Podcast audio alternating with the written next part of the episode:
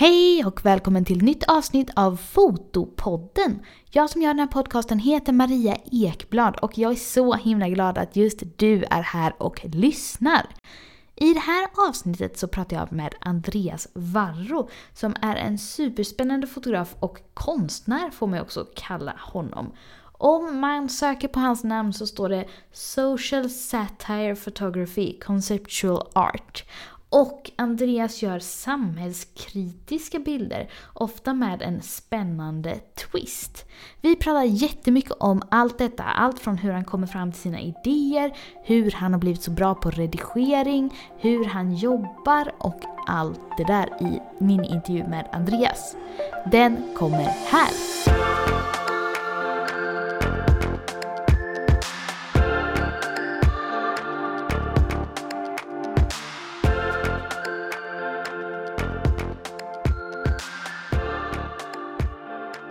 Andreas och välkommen till Fotopodden! Hejsan, tack så mycket. Vad roligt att ha med dig här. Ja, detsamma. Det är kul att få vara med och eh, prata lite med dig. Ja, ehm, för de som inte känner till dig eller vet vad du fotar, vill du berätta lite om vem du är och ja, vad du fotar? Ja, absolut, det kan jag göra. Jag ska göra mitt bästa. eh, jag är 37 år gammal och eh, bor i Örebro Mm, eh, tillsammans med min familj då, eh, mina två barn och min fru. mm, Eh, och jag arbetar som bildkonstnär då. just ja. Eh, och eh, jag skapar då samhällskritiska bilder då. Mm, Eh, ja, samhällskritiska eller satir, det, ja, vä- välj själv på att säga. aha. Det är bilder som involverar ganska mycket, eller väldigt ofta teknologi, modern teknologi, telefoner, smartphones och eh, algoritmer och sådär. Ja, mycket fokus på det just nu i alla fall. Ja. ja, det är väldigt så tankeväckande bilder när man ser dem. Ja, och det är lite det som är meningen också. Det är, det är liksom...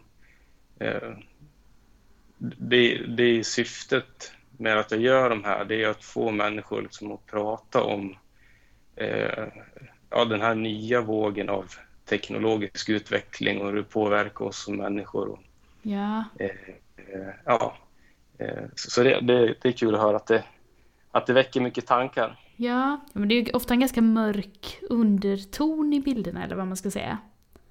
Upplever men jag i alla fall. Ja, jo, men det har du helt rätt i och, och eh, det är ju såklart avsiktligt då. Sen är det ju, det är klart att man kan inte berätta allt med en bild, men det finns en positiv tanke med dem och det är att som sagt få människor att prata om det och reflektera över sina egna beteenden och, och liksom andras beteenden när det kommer till just de här eh, ämnena som jag lyfter. Då. Så, Ja, just det. Eh, det, det, det är inte bara mörker utan det, det finns även ett ljus i, i dem så att säga. Ja ja, vad spännande. Men om vi backar bandet lite, vill du berätta hur du eh, kom in på foto och fotokonst och hur du började med det här? Ja, absolut, det kan jag göra. Eh, jag, alltså det, egentligen så började det ju med, alltså min, min, eh, mitt intresse för design om man ska säga så, det började ju då eh, i skolan då, det är ju, det är ju snart 20 år sedan, då hade vi en, en liten dator, en gammal dator som stod i, i hörnet på eh, i bildsalen då, där det var, vi hade bildlektion och jag har ju aldrig varit någon höjdare på, på liksom rita och skissa så där, men jag fastnade ju vid den, där, vid den där datorn och den hade ju Photoshop installerat. Och, Ja, just det eh, och det var Photoshop 4.0 minns jag, så det, det är länge sedan. eh, men eh, jag satt ofta vid den där och liksom laborerade och, och testade och sådär och sen, sen skaffade jag Photoshop hemma då. Eh, så det var egentligen där det började och jag hade ju även Photoshop när jag kom upp i gymnasiet, så Photoshop-lektioner och sådär. Ja, gick ju, just det, vad kul. Men fotade du något själv då? Eller redigerade du typ bilder du hittade online? Eller vad var det Ja, du men då- redigerade?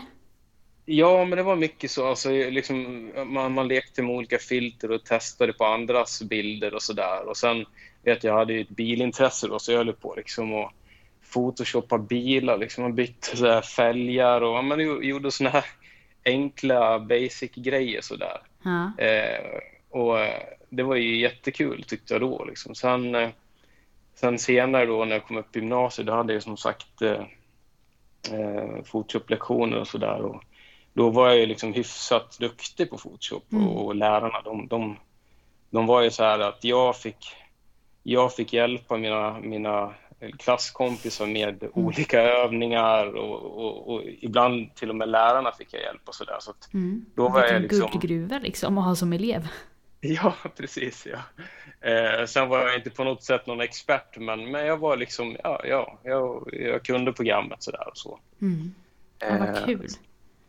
Eh, sen så kom ju, alltså fotografin kom ju betydligt senare. Jag har hållit på med det ungefär 15 år nu då. Mm. Eh, och, och det var väl som de flesta andra, liksom. man köpte en kamera, testade och fotade en massa grejer. Liksom. Och man, jag hade ingen aning om vad jag gjorde, jag fotade allt möjligt. så. Mm. Eh, eh, sen så... Eh, ja, sen började jag fota bilar eftersom jag hade intresse för bilar. Och gjorde lite redaktionella uppdrag till olika biltidningar, så här, mm. fotade sportbilar och så. Mm. Eh, så det var, det var kul liksom. och det kände jag, ja, det här skulle jag, det här skulle jag vilja jobba med. Så. Ja, just det. Men var det det första liksom, betalda uppdragen du hade då? Eller hade du gjort några andra ja, fotojobb? Ja, det, ja, det kan man säga. Det, det var liksom mina första betalda uppdrag. Så. Mm. Okay. Eh, sen, ja, jo, men det var jättekul. Det, det, det, det var ju Negobo såklart. Sen var det inga jättepengar det handlade om då, men Mm. Men det var ju väldigt kul att få de här uppdragen, att det var någon som visar uppskattning och sådär. Mm. Hittade de dig då, eller var det du som sökte upp dem? Eh, det var de, alltså jag, jag var, hängde mycket på forum och sådär, och bilforum och olika mm. ställen. Så då, då la man ut bilder och sådär, och man ville ha konstruktiv, konstruktiv kritik och sådär på bilderna.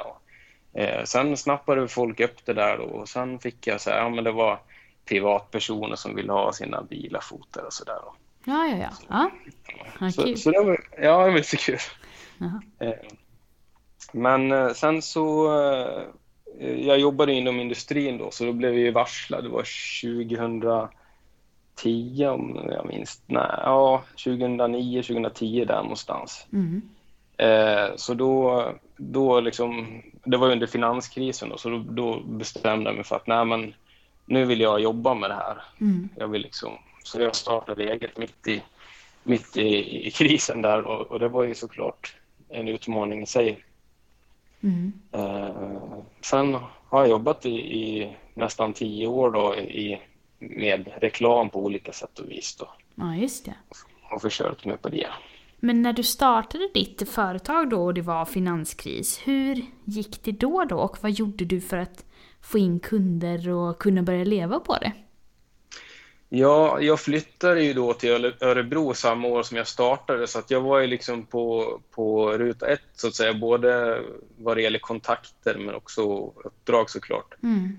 Eh, så jag började ju nätverka väldigt hårt och eh, det fanns olika företagsnätverk som jag åkte runt på. Man fick presentera sig och, och, och jag höll i det där väldigt bra då. Så att, ja, just det. Vad smart. Eh, det gjorde en, en bra grund för mig då mm. för att kunna leva på det. Sen, var det, sen är det ju det där med, med eh, när man börjar, det, det blir ett, det, det, för mig blev det ett stort fokus på att leva på fotografin snarare än att okej, okay, nu ska jag göra någonting som jag tycker är en viss bildstil, en viss typ av bild som jag brinner för. Utan det blev ja, det, okej, okay, men nu ska jag betala räkningarna. Så. Ja, ja, men det är ju en eh. balansgång i det såklart. Och om man om man liksom har det som sin brödföda då behöver det ju komma in pengar såklart.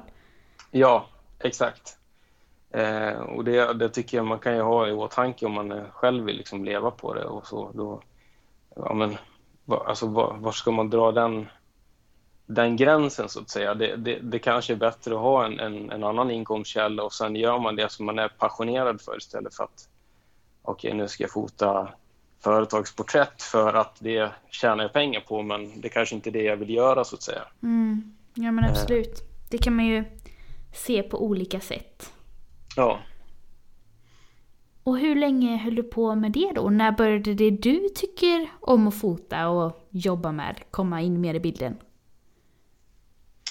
Eh, du, du tänker eh, när jag kom in på det, det som jag gör nu, de här konstbilderna? Ja, eller det var du som... Ja, ja precis, det var det jag tänkte på. Ja. ja. Eh, nej men, jag, vad heter det, jag har ju alltid velat liksom eller alltid ska jag inte säga, men det har växt på med det här att jag vill arbeta med... Jag, jag, vill, skapa, jag vill skapa bilder som eh, var mer djupa, liksom, som hade ett djupt budskap och, och förmedlar sådana saker som jag ofta gick runt och tänkte på. Och så. Mm. Eh, så då började jag göra det som egna projekt då, eh, för att, ja men bara liksom, bara för att experimentera. Sen, sen Sen blev det en grej att ja, men, ja, man såg att det, det liksom gick hem hos folk och det var någonting som jag tyckte om att göra väldigt mycket. Och, mm. eh, sen började jag ju tänka på det här med att ja, men, det här är det jag vill göra, det här är det jag vill liksom leva på och tjäna pengar på. Så. Just det. Eh. Men då, för det var ju väl ändå några år sedan då, om jag förstår det rätt. Var la du upp de bilderna då? Var började folk se dina sådana foton? Eh, ja, men det, det, har ju varit sociala medier som jag har eh, synts på, så att säga. Mm. Eh, eh, sen har jag ju lagt mycket fokus på att tävla i fotografi på olika sätt och vis. Då, och det är både, både nationellt och internationellt och det har ju varit en väldigt bra plattform eh, i och med att det skapar intresse med jämna mellanrum, så att säga, för, både för media och, och liksom för allmänheten. Så att ja, när, när, man placerar sig bra på tävlingar. Så, mm. eh, så det, det, har ju också varit en, en, ett sätt att nå ut, eller rättare sagt ett, ett sätt att förstärka att bygga kredibilitet och, och förstärka liksom det man gör. Val, det ger liksom validitet på det man gör. Ja, just det. Eh, eh, Mm. Så det är väl det. Sociala medier och, och, och tävlingar har ju varit en, två liksom starka eh, faktorer då för att jag kommer dit jag är idag, om man säger så. Mm. Men du nämnde att du gjorde bilder som, på saker som du gick runt och tänkte på. Har du någon sån tidig bild som du kan berätta om? Vad, eller vad hade de bilderna för tema och så? Ja, jo men alltså om man kollar på en av mina första bilder, och nu, nu kan ju inte de som lyssnar på det här se bilden framför sig, men, men det var en sån första grej som jag har ofta tänkt på, liksom det här med, med framgång och hur, hur vi lever i ett samhälle där, där många vill ta sig fram så snabbt som möjligt och nå sina mål och, och man, liksom, man man bryr sig inte om vem man gillar på vägen eller man bryr sig inte om vad man gör för att bli framgångsrik. Mm. Eh, så då skapade jag en bild som heter Shortcut och det är en av mina första, det är min första konstbild och den bilden ligger någonstans mellan att vara en, en kommersiell, ganska humoristisk bild med ett lite djupare budskap. Då. Så det var min liksom inkörsport i i, i konstvärlden om man säger så. Då. Ja, just det. Eh, så, så, den bilden är, är, betyder mycket för mig på det viset men samtidigt så har jag lite svårt att identifiera mig med den idag rent bildmässigt i stilen så att mm. säga. Men, men, eh, jag har ju varit inne och snokat på din eh, hemsida och jag ser ju faktiskt att den ligger där om man går in och klickar på artwork på andreasvarro.com. Så de som lyssnar ja. kan ju gå in och kolla där faktiskt. Ja, absolut. Ja, den finns med där. Det stämmer bra. Ja. Men, eh, och hur gör du när du skapar dina bilder då? För det är ju ganska mycket personer med i fler, eller i alla fall i flera av bilderna. Visst är det ju bara en person. Men när man ja. tänker till exempel den New Gods som väl har lite sociala medier-fokus. Ja, Om precis. du vill kan du börja med att berätta lite om den för lyssnarna. Ja, ja.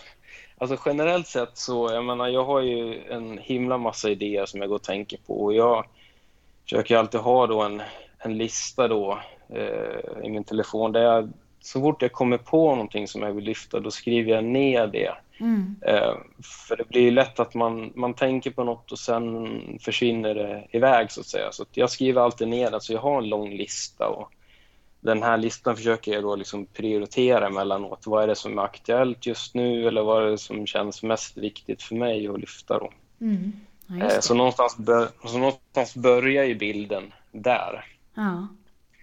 Eh, sen så eh, sen så gäller det ju liksom att på något sätt forma en, en, en forma en idé eller ett koncept och hur ska man förmedla det här på ett, ett smart och, men även ett, ett snyggt sätt då, som, som går hem hos folk och folk ska ju förstå. Samtidigt så vill man inte berätta allt utan man vill ju lämna lite åt fantasin. Då, så att, då handlar det mer, och det här är ju, det är ju bara en träningssak, alltså att man, man, man att man tränar upp det konceptuella eh, liksom sinnet eller vad man ska säga. Ja. Och, och, så. Eh, och det är lite svårt att, hur, ja, hur gör man det? Ja, det, är- det är ju bara träning så att säga. Mm. Eh, men sen eh, gör jag en skiss då. Eh, tidigare i min karriär då, då var det mer att jag hade andra som hjälpte mig att skisser där jag förklarat så här skulle jag vilja ha det för att jag, jag är liksom ingen bra på att rita sådär. Så. Mm. Eh, men idag så skissar jag själv i Photoshop och lägger ihop olika bilder och sådär. för att Det är dels för att jag ska kunna ha som en, som en guide då när jag fotar, men också kunna visualisera det för stylist och modell och sådär. Så här vill jag att det ska se ut. Och så. Ja, just det.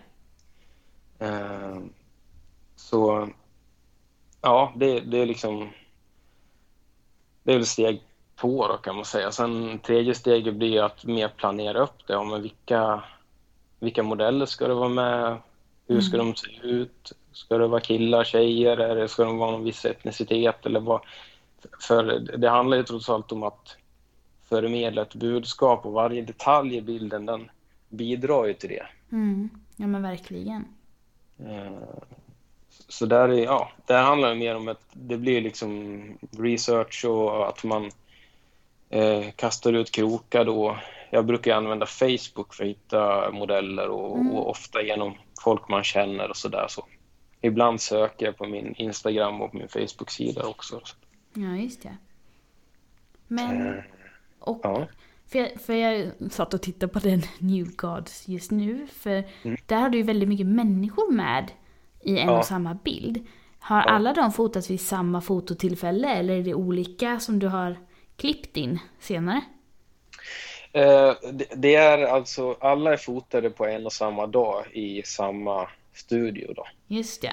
Eh, och då har vi ju då synkat då eh, så att alla, så många som möjligt kunde komma på en viss dag och de har ju blivit instruerade att ha en viss stil på kläderna eller åtminstone så att de höll samma, samma liksom färgtoner och sådär. Ja, just det.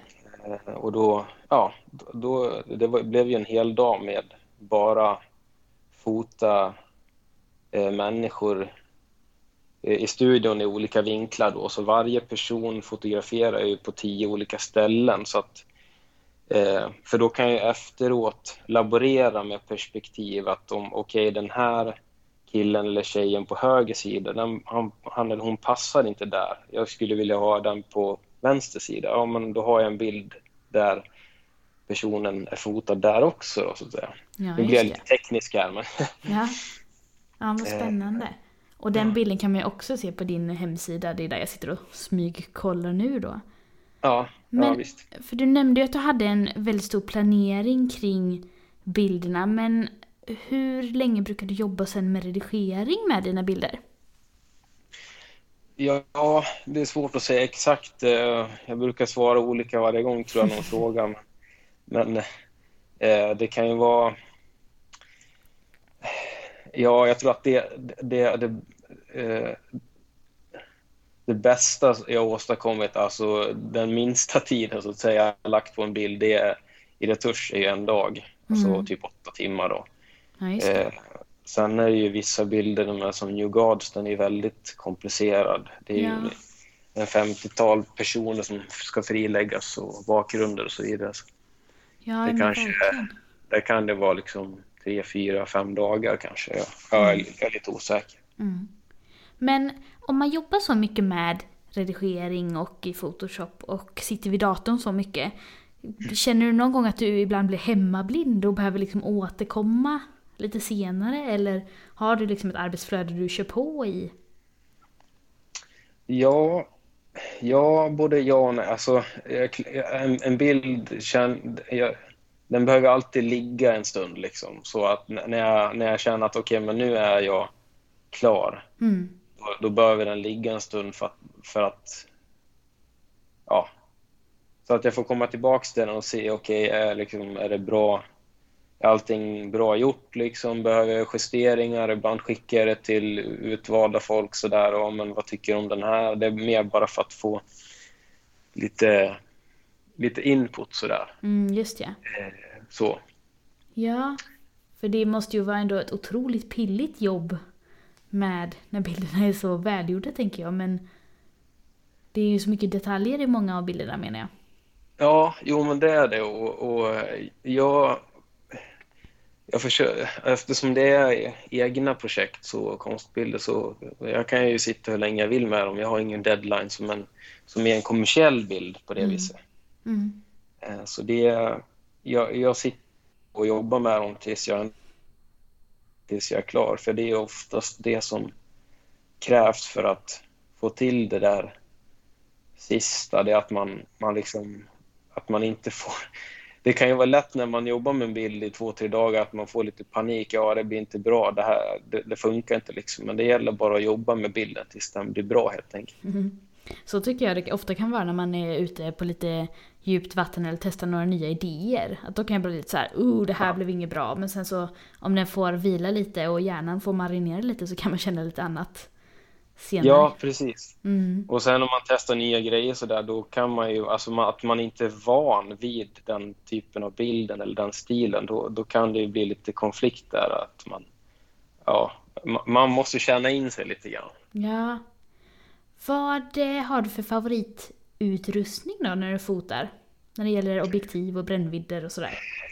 Oj, ja alltså majoriteten av mina bilder är ju, eh, i alla fall om man säger mina första liksom två, tre år är fotat med, eh, med vidvinkel då. Det är liksom 24 millimeters på, på, på småbildskamera då. Mm. Eh, Så där, där har jag jobbat väldigt brett. Sen har jag liksom med åren smalnat av mig lite grann. Jag gillar ju liksom eh, tidigare brydde mig inte så mycket men, men nu börjar jag bli lite mer kräsen när, när saker och ting förvrängs och särskilt när det är människor i och sådär. Mm. Eh, så nu har jag liksom smalnat av mig lite när det kommer till brännvidderna. Ja, det.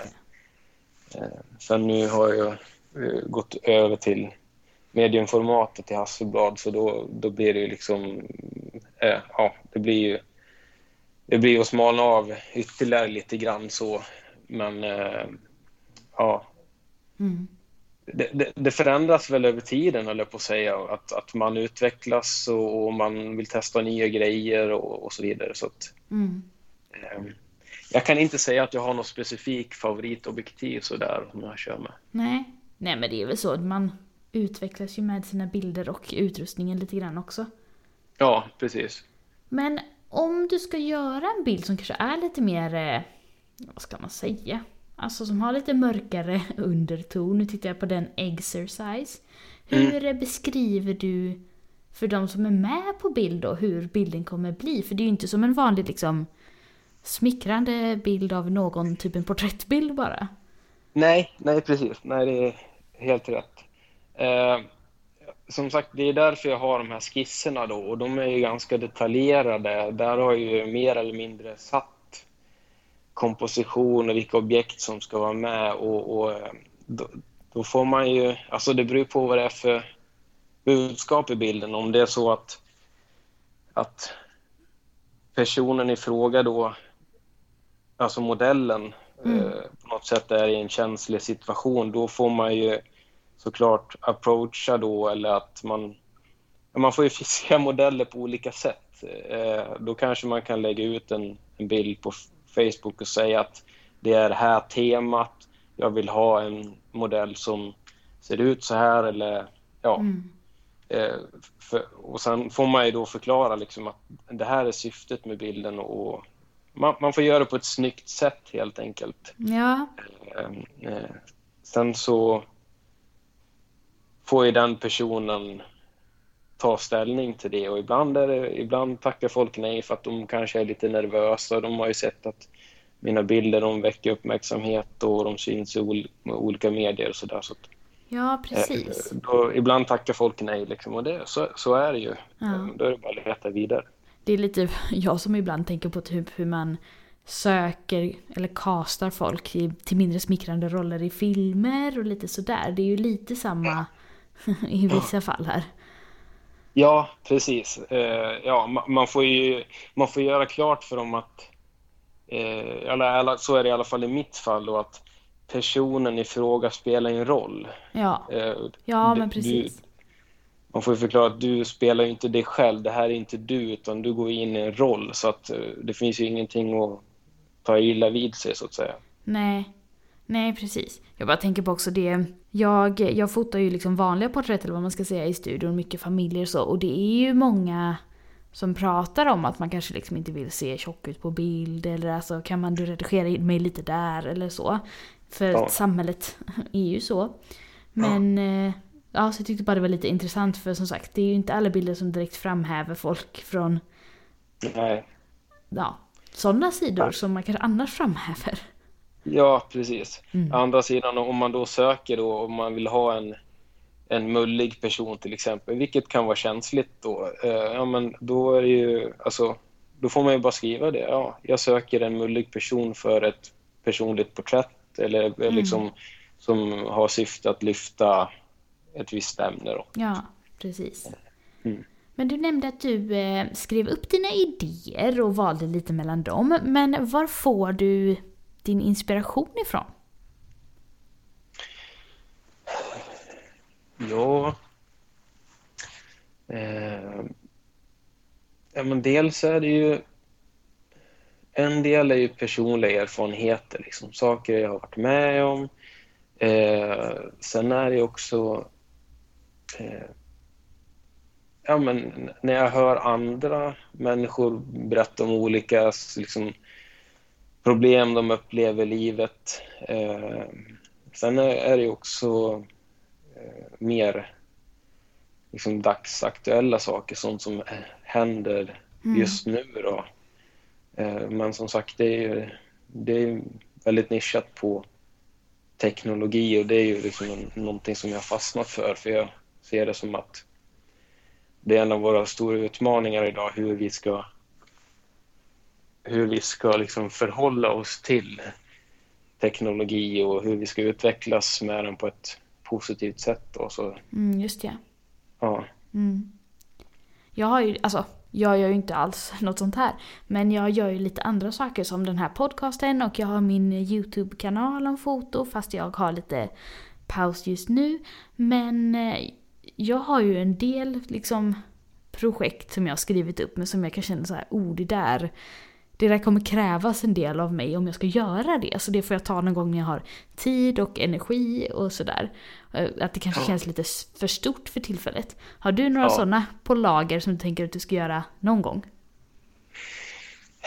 Ja, men alltså det, det är väl klart. Alltså, men, eh, alltså mina första bilder har ju varit eh, liksom ganska enkla i, sin, i, i sitt uttryck och sina budskap. Så. Och sen mm. är det ju klart att Eh, jag kan väl till viss del se att jag blir, det blir lite mer kontroversiellt för varje bild som är. Mm. Eh, I och med att man växer i rollen och man ser att okej, okay, men jag gör, ändå, jag gör ändå bilden och sånt som jag känner att jag kan stå för och eh, att jag behöver stå för de sakerna, så att säga. Mm.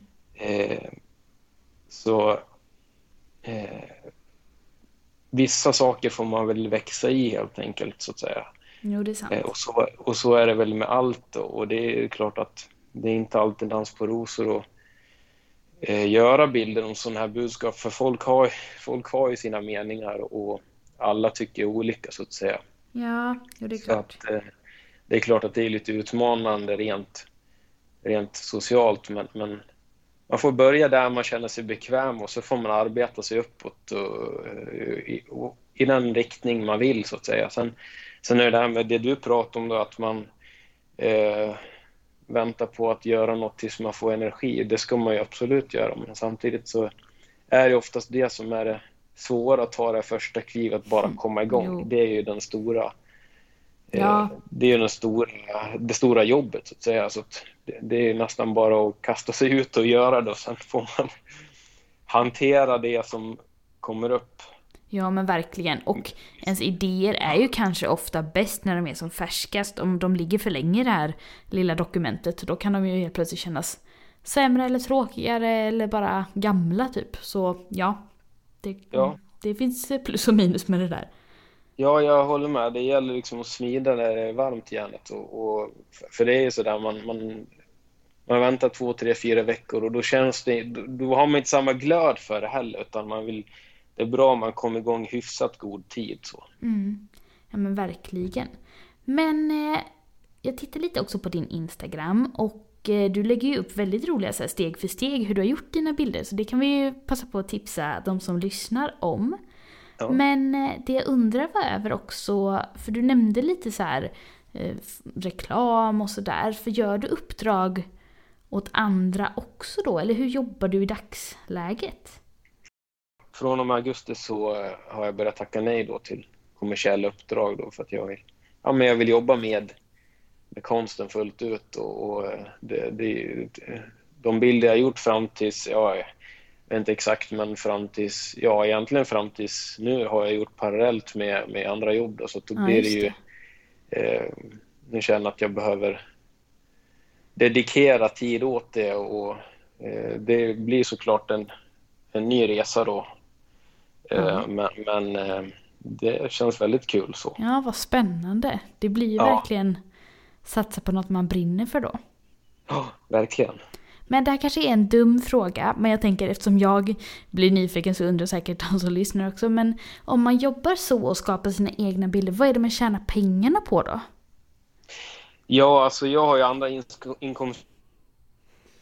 Jag kör det parallellt då så att... Eh, nu hackar det lite ja. här, kan, kan du säga det där igen? Ja, nej men jag har ju andra inkomstkällor också så att det är inte så att jag ska leva fullt ut på min konst nu utan... Okej. Okay. Eh, ja, eh, men eh, om man säger... Eh, alltså pratar du om foto generellt sett eller vill du liksom... Eller? Nej, jag tänkte personer som lever på med sånt här på heltid. Är det ja. då att man kanske främst säljer printar och sådana saker. Nu kanske du har ett annat upplägg men vad brukar folk göra om man, om man satsar på det och inte har något annat? Ja, jag tror att det, det finns ju olika typer av inkomstkällor då. Eh, majoriteten skulle jag säga eh, eh, handlar ju om att sälja verk av olika slag. Sen beror det på eh, vad man är för typ av fotograf, vad man säljer för bild och vilken prisklass man säljer. Jag menar, Just ja. Eh, jag menar, ju, ju, lägre du tar betalt för en print, ju, ju mer måste du sälja av den såklart. Mm. Eh, och det krävs ju eh, en annan strategi för det. Mm. Eh, sen kan man ju sälja, eh, man kan ju liksom sälja eh, kurser och workshops och sånt där. Det är jag själv inte särskilt intresserad av. Mm. så, eh, utan jag vill ju sälja verk då. Det är Just det som är huvudfokus. Mm. Sen finns det ju, jag menar, man kan sälja, man kan licensiera bilder. Mm, just det. Alltså till företag. Mm.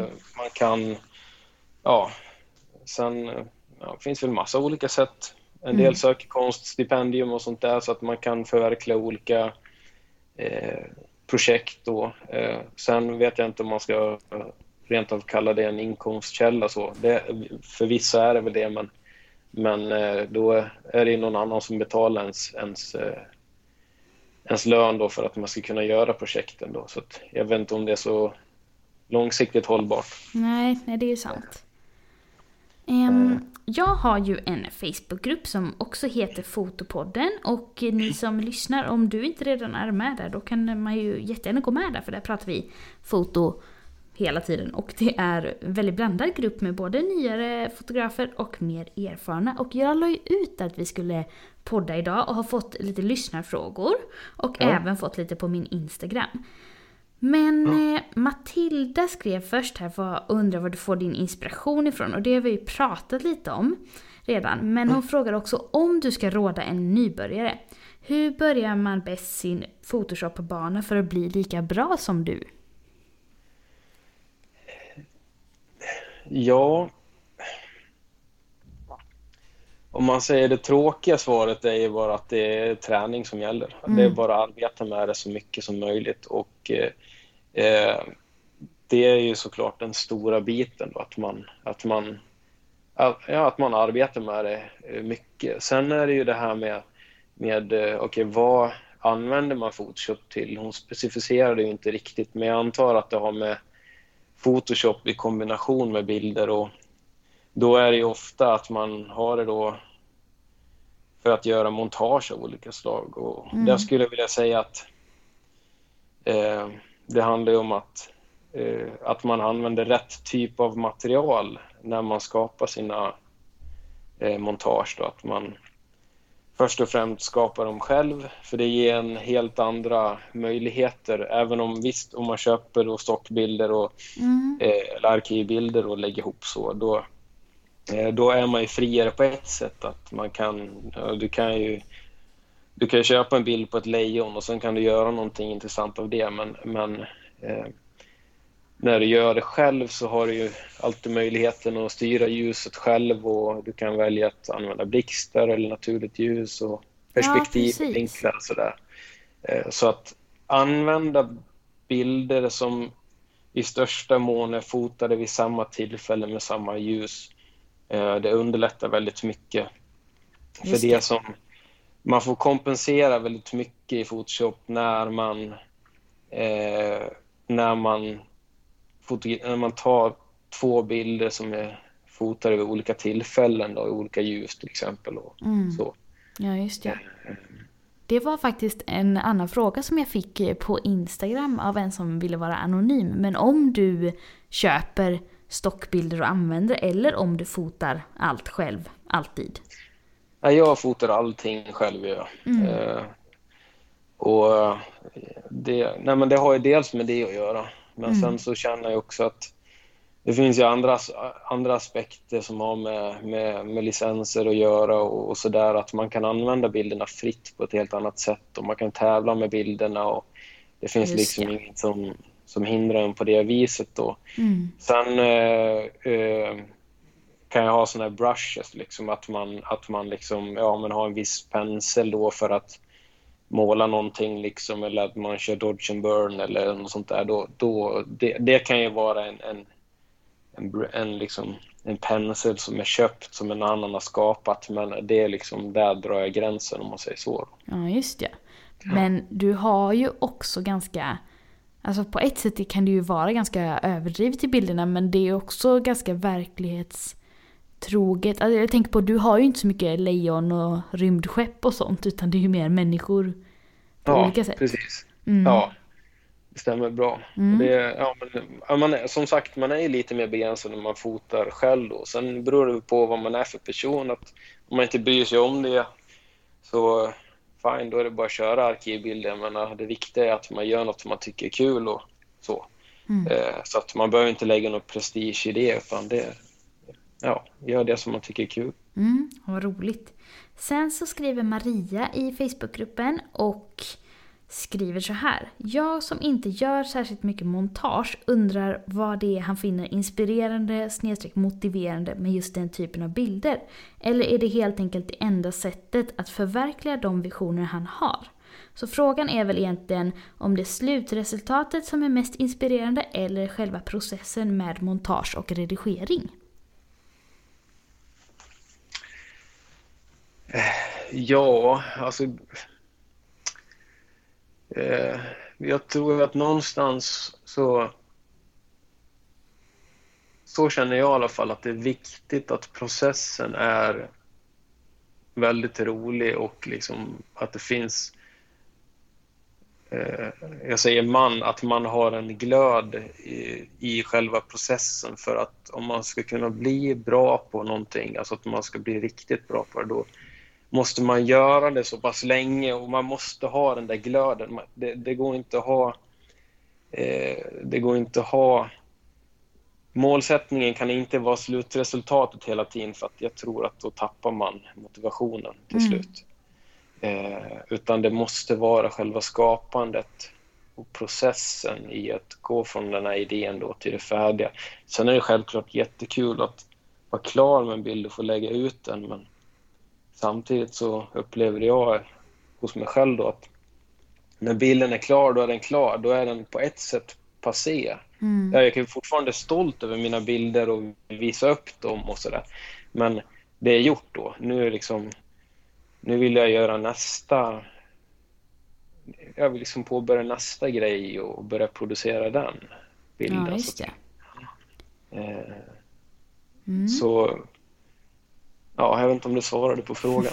jo då, det tror jag. Så har jag fått eh, en fråga på Instagram från en Peter som undrar om du någon gång har prestationsångest eller känner att du behöver överträffa dig med nästa bild och hur du i sådana fall handskas med det? Eh, ja, det kan jag säga på en gång att det är, prestationsångest har jag hela tiden när jag mm. jobbar. Så det, det, är liksom ett, ett, eh, ett, liksom en, ja, det, det, är det hela, hela, hela tiden och det är ju någonting som, som jag inte på något sätt förespråkar men, men eh, och hur försöker jag övervinna det? Ja, men alltså det, det är liksom lite mental träning då, att man får fokusera på, på rätt saker och inte hålla på att tänka så mycket på vad andra ska... Det låter ju klyschigt när man säger det, men mm. inte tänka på vad andra tycker utan att man på något sätt fokuserar på det man vill göra och gör det och sen är stolt när man själv är nöjd över det resultatet för att det kommer alltid finnas folk som inte gillar de här bilderna som man gör. Och, eh, men om man pratar om tävlingar och så, så är det, blir det väldigt uppenbart att ja. folk, ty folk tycker olika. Alltså, du, du, du, kan tävla med en bild i en tävling och där går det superbra. Sen tävlar med en annan och där placerar man sig inte alls. Och det är ju verkligen ett, ett mått på att alla tycker olika. Eh, mm. Och, och, att man inte ska hänga upp sig så mycket på det. Nej. Jag tycker det är lite intressant för jag har haft med några olika i podden som kanske gör lite mer egna koncept och kanske jobbar mycket mer med sina fotoidéer.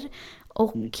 Jag tycker ändå den frågan om prestationsångest, det kanske är för att jag har ställt den, vad vet jag, men att det ändå dyker upp mer. Och det kanske är något det när man jobbar med något som kommer så från ens inre liksom, jämfört med om jag fotar ett gulligt barn åt hennes föräldrar. Eller så. Ja, ja, jag, förstår, jag förstår vad du menar. Det, någonstans så tror jag att väldigt många som börjar med foto eller design eller konst på något sätt, de gör ju det för att de har en passion för någonting. Mm. Och då blir det ju samtidigt lätt att man identifierar sig med den här typen, att det här som jag skapar nu, det är jag.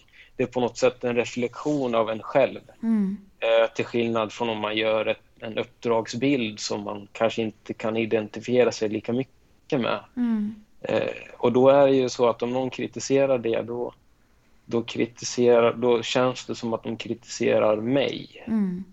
Min personlighet. Och det där tror jag att det är bra att man försöker arbeta med. Liksom. Mm. Ska jag säga att arbeta bort kanske är en... Det kanske är svårt, men, mm. men, men att eh, samtidigt kan det vara bra att ha en viss mått av, av liksom, ja, kanske inte prestationsångest, men att man har en, att man, att man är på sin vakt liksom, att man vill göra bra ifrån sig hela tiden. Mm. Ja, men det kan ju vara en viss motor i det också. Alltså att man för sin egen skull känner att man får spänna bågen lite och ja men så. Sen tänker jag också lite på det som jag sa innan att eh, när jag gör något nytt då känner man ju ibland lite såhär, oh hur, vad tycker jag om det här egentligen och nu är jag ute på lite djupt vatten kanske. Jämfört med om jag ja, men fotar mycket i studion för då blir det ju en viss automatisering i vad jag gör. Även om alla familjer är unika och alltså det blir ju egna bilder. Men det är ändå ett visst system med det jämfört med om man skapar liksom en bild som är ett projekt. Då kanske det blir att man provar mycket nytt lite varje gång. Ja. Mm. Ja, alltså man får...